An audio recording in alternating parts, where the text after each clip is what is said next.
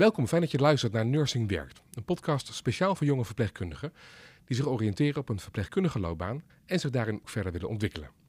Mijn naam is Basti Baroncini en in deze podcastserie interview ik voor Nursing verschillende deskundigen met als centrale vraag: hoe sta ik sterk in mijn werk? In deze aflevering gaan we het hebben over zelfleiderschap. In deze aflevering kijken we hoe je leiding kunt geven aan jezelf. Leiding geven aan jezelf, dus zonder dat je speelbal wordt van de wensen van een manager, je collega's of patiënten. Want misschien hebben ze best goede ideeën, maar dat hoeft lang niet altijd te stroken met wat jij zelf wil in het leven. In deze aflevering ga ik dus in gesprek met Pauline van Dorsen. Nadat ze jarenlang als verpleegkundige heeft gewerkt, besluit ze om door te leren in de arbeids- en organisatiepsychologie. En de kennis die daarover deelt ze via haar bedrijf Intrinsis. Onlangs promoveerde ze aan de Open Universiteit op het onderwerp zelfleiderschap. Welkom Pauline, hartstikke fijn dat je er bent. Dankjewel. Laten we eh, gewoon lekker meteen praktisch deze aflevering beginnen. En dan wil ik dat we twee verpleegkundigen neerzetten, theoretische verpleegkundigen. En zou je eens eventjes kunnen laten zien, die eerste die doet niet aan zelfleiderschap. Hoe ziet dat eruit? Nou ja, die eerste verpleegkundige, laten we vooropstellen, die heeft uh, veel kwaliteiten. Ja. In te om te beginnen, zorgt heel goed voor de anderen. Die is in staat om steeds maar weer opnieuw uh, voor die patiënten te gaan. Maar ook die, wordt, uh, die ziet op de groepsapp van het team of ze vanavond komt werken. En die Ja. zegt ja. Het ligt overal ja op. En die vergeet helemaal dat ze eigenlijk nog eh, met haar zoon naar de tennis moest. Dus hij heeft een, is met een groot hart het vak ingestapt. Ja, het is eigenlijk, eh, lijkt diegene de ideale werknemer. Mhm. Die wil je gewoon in je team hebben, want die, eh, die doet alles wat je maar roept. Maak voor een addertje onder het gras. Wat doet ze nou niet goed? Nou ja, die houdt dat op een gegeven moment niet vol. Die, die heeft of die wordt heel erg moe, of die krijgt problemen in haar privé-situatie, omdat er mensen aan het mopperen zijn. Om te beginnen de eigen kind misschien. Ja. Ehm, die gaat steeds slechter slapen. Eh, die wordt misschien wat huilerig in het werk, eh, om niks. Hè? Eh, dus Stomt een beetje af misschien, mag ik het zo zeggen?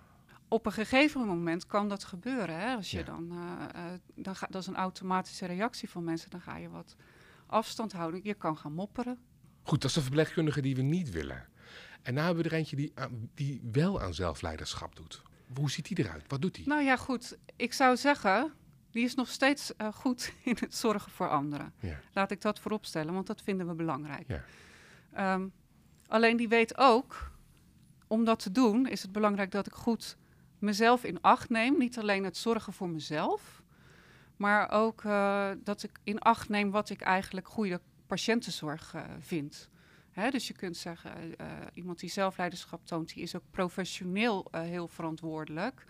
En die doet de dingen waar hij zijn hand voor in het vuur kan steken.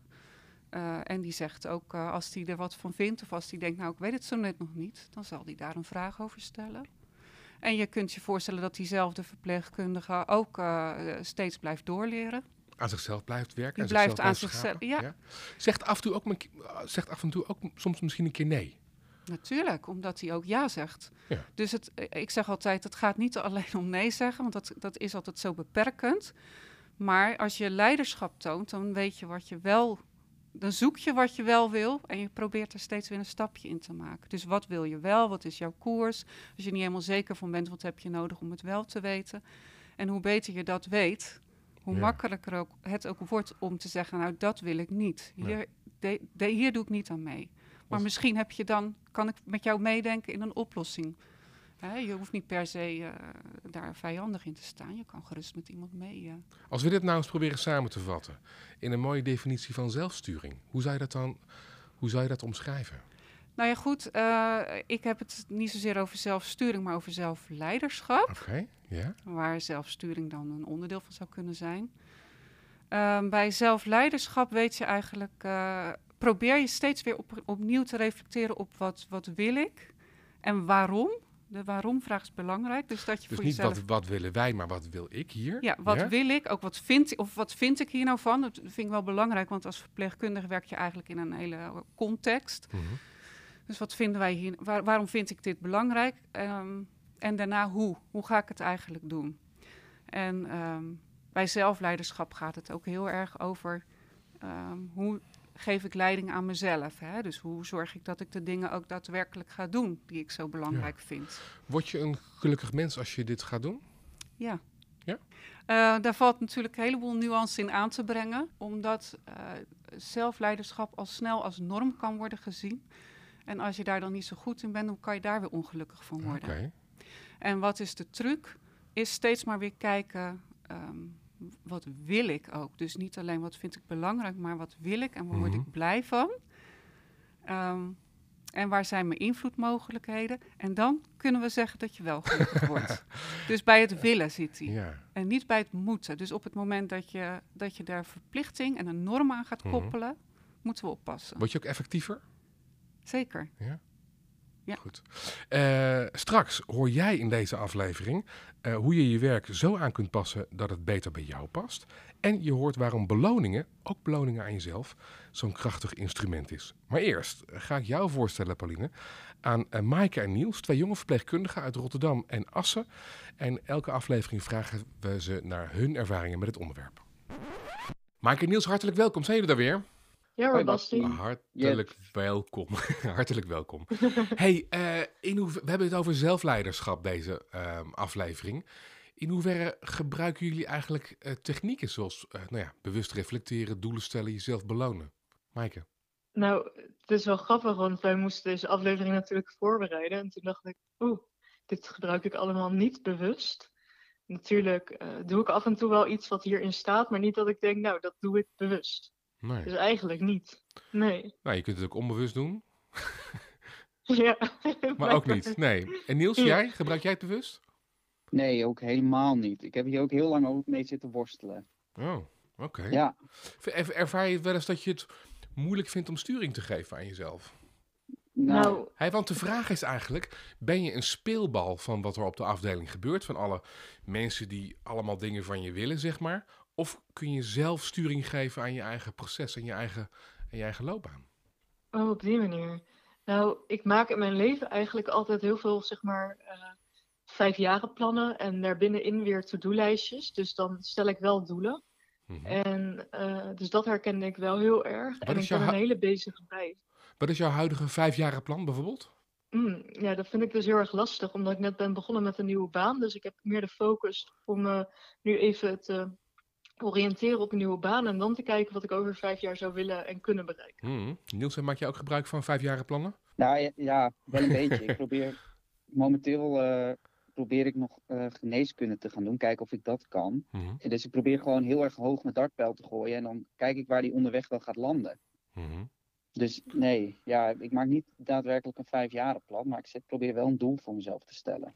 En dat gaat zeg maar over de carrièreplanning, hè? Eh, en Ja. als je gewoon een week in het ziekenhuis beschouwt, is het dan ingewikkeld om sturing aan jezelf te geven? Ehm, Nou, ja, op het moment dat je een extreem drukke dienst hebt, waarbij je eigenlijk van patiënt naar patiënt aan het rollen bent en die to-do-lijst aan het afwerken bent, dan kom je niet aan jezelf toe. Mhm. Herken je dat, Niels? Ja, zeker, zeker. En ook juist op de dagen dat het rustig is, eh, merk ik ook dat het niet echt gebeurt. Dan, ehm, Nee.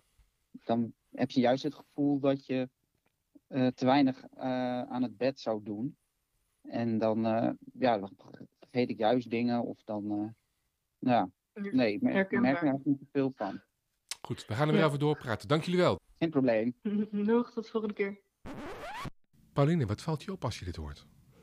Eh, ja, wat een leuk mensen om te beginnen. En eh, ik, wat ik eigenlijk in het eerste stuk eh, zo leuk vond, ze waren eigenlijk behoorlijk bescheiden.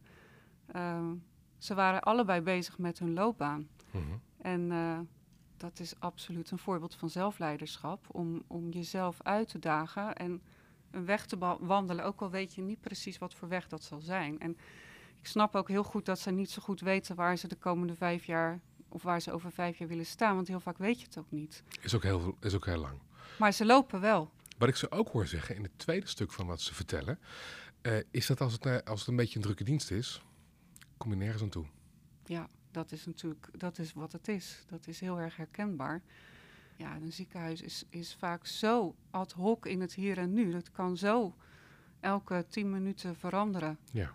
En een, een dag kan zo druk zijn dat het, dat het moeilijk kan zijn. Hè? Ook, ook omdat je zo gefocust bent op die ander, wat dus ook de bedoeling is van jouw werk, dat jij heel erg gefocust bent op die ander. Dan, dan word je helemaal uit jezelf gehaald eigenlijk. Dus het is ook moeilijk om dan op jezelf te blijven letten. Nou, is het moeilijk? Maar dan zit jij hier tegenover ons en jij bent de deskundige als het gaat om uh, Ja. zelfleiderschap. Dus, nou, maak ons gek. Vertel ons wat we kunnen doen om wel dat zelfleiderschap te tonen eh, op die afdeling. Ja, nou Waar, ja. waar moeten we mee beginnen? Nou ja, wat ik altijd zeg is, ehm, op het moment dat je in een situatie komt waarvan je merkt, ehm, deze is lastig voor mij. eh, la- laat ik het zeggen, hè, we hebben het nu over druk, maar er zijn een heleboel soorten situaties te bedenken waarvan je eventjes in de war raakt, waarvan je het even niet weet.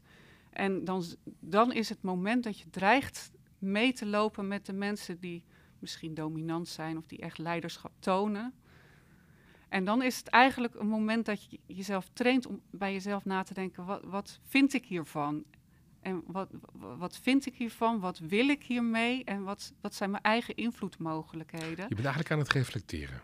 Ja, maar een hele. Je, je dwing jezelf om even kort te reflecteren. Want je kunt natuurlijk de hele dag reflecteren, maar die tijd heb je niet. Mhm. Dus eh, ik zeg altijd: wat wil ik en wat kan ik hiermee?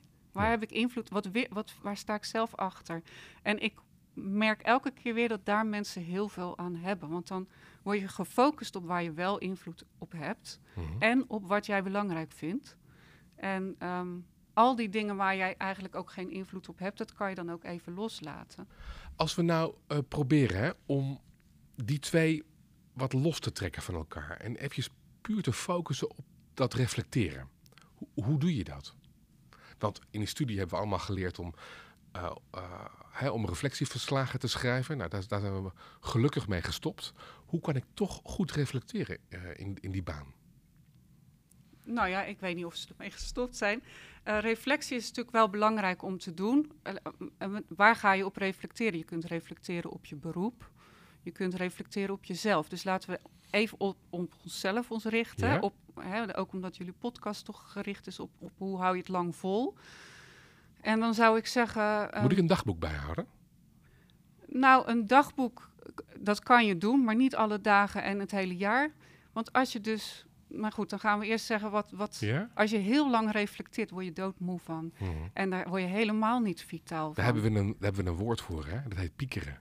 Nou, dat kan zich uitmonden in piekeren. Ja. En eh, ik, ik heb dat ook niet in mijn data overigens gezien... dat mensen die heel veel reflecteren, dat dat nou de vitale mensen zijn. Oké.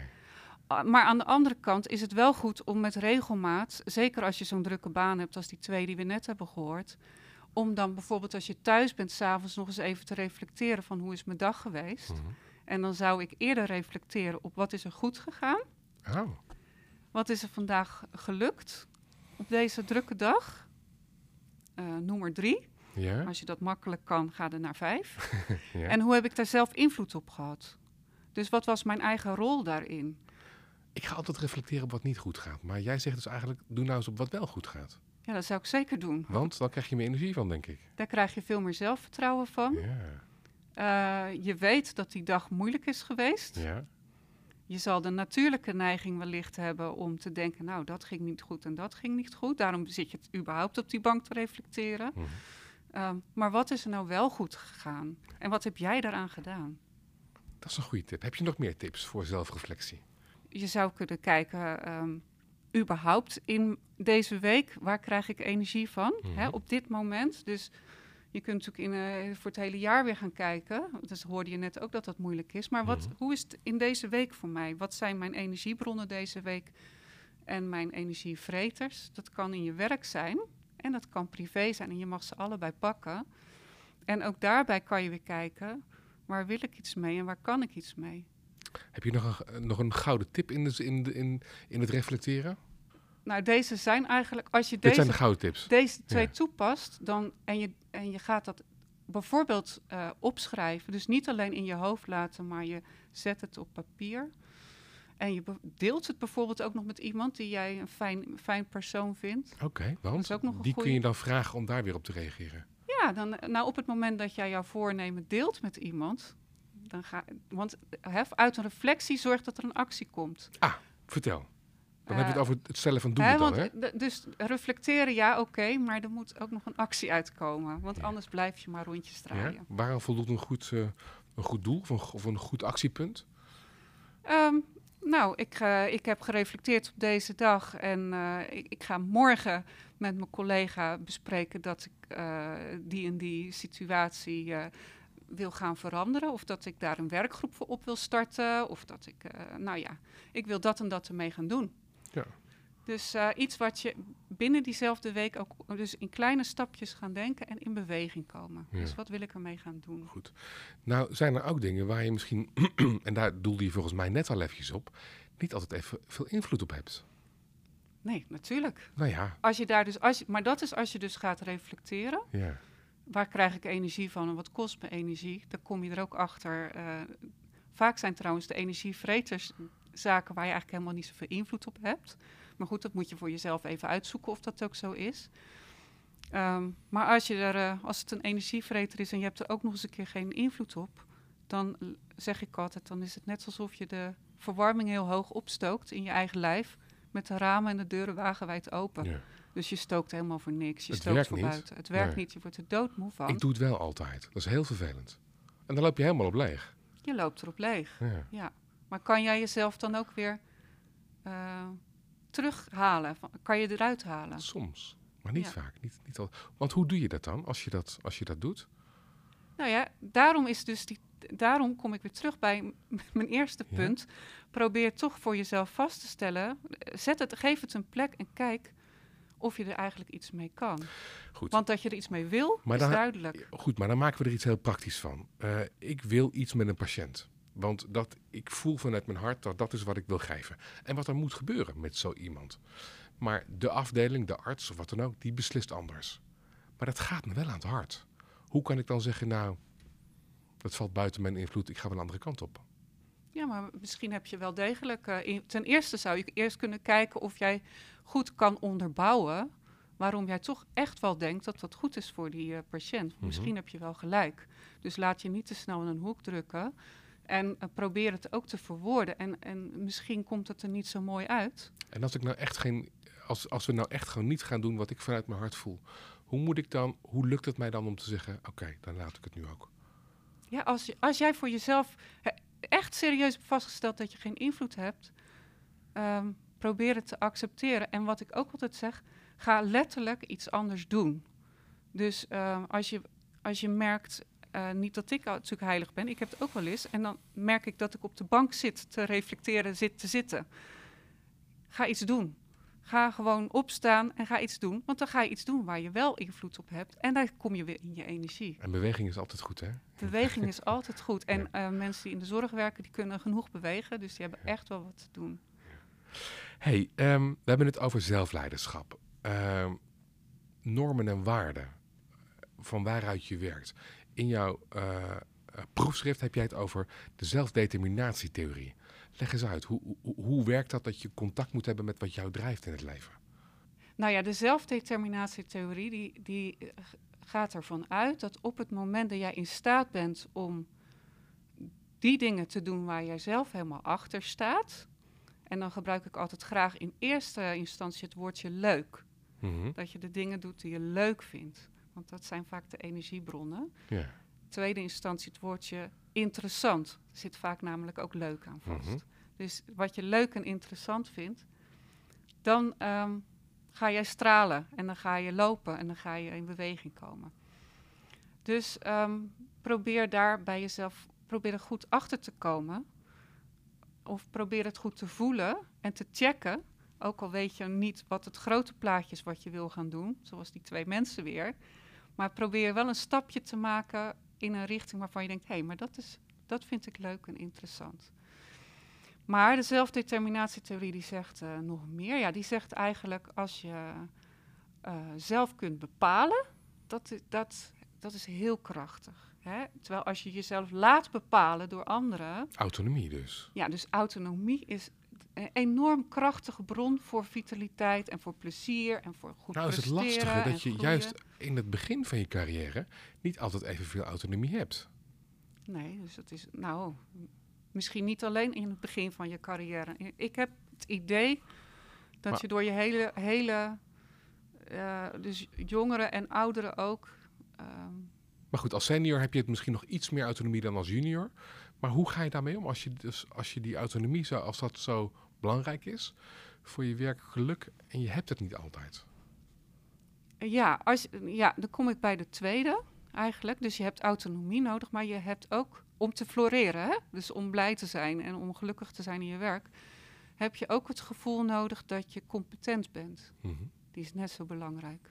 Autonomie is belangrijk en competentie is ook belangrijk. Dus stel dat jij jong verpleegkundige bent en je hebt gewoon, je komt op een afdeling te werken waar je eigenlijk nog als niks weet en je krijgt heel veel vrijheid, dat doet ook veel. Dan word je ook niet blij van. Want dan ben je eigenlijk hartstikke onzeker als je bij die patiënt staat en je weet mijn god niet hoe je het moet gaan doen. Dus um, zelfdeterminatietheorie zegt dat ook belangrijk is dat je je competent voelt. Dus dat jij wordt aangesproken op je competentie binnen wat haalbaar is voor jou. En hoe doe je dat?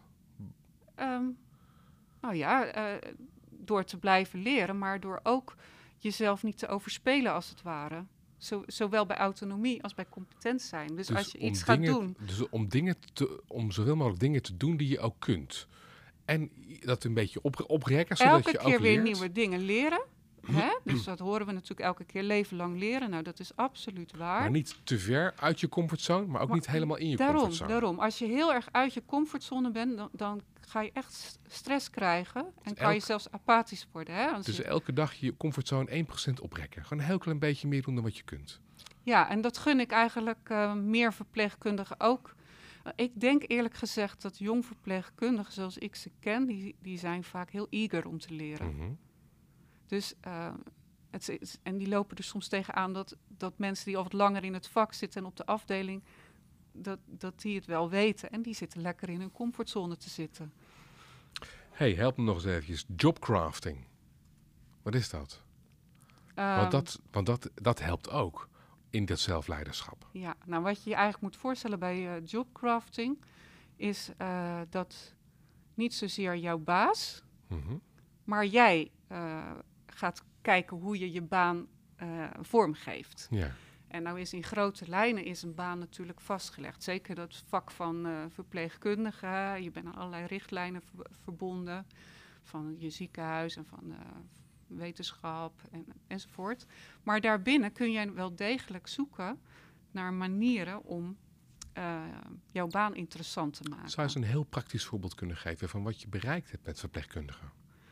Dus als je je job aan het craften bent, dan zorg je bijvoorbeeld dat als er een project voorbij komt, waar jij interessant vindt, eh, dat je erin springt. Dat je, dat je hand opsteekt bij het werkoverleg. Ja, ik wil dat wel doen. Ik, ik heb er eigenlijk nog niet zoveel verstand van, maar ik wil dat wel gaan doen. Dan ga ik dat eh één of twee dagen in de maand extra doen en dan één dag minder op de afdeling. Ja, eh, Bijvoorbeeld. dan ga je kijken of je dat voor elkaar krijgt. En misschien als het een groot project is, zal je daar een paar gesprekken voor moeten voeren met een leidinggevende of met HR. Of je zegt, Maar bij jobcrafting mag je ook heel klein denken. Dus Ja. het kan ook een werkgroep zijn waar je maar één uur in de maand mee bezig bent. Maar dat is wel hartstikke leuk. En je leert daar misschien nieuwe mensen kennen. Jobcrafting is ook kijken of je met mensen samen kan werken waarvan jij denkt, ja, daar krijg ik energie van, van die mensen. ja. Mm, misschien omdat je ze simpelweg leuk vindt en aardig vindt. En misschien ook omdat je iets van ze kan leren. Of omdat dat het interessante mensen zijn. ik wil een nieuwe techniek leren, ik wil een nieuwe eh, instrument beheersen.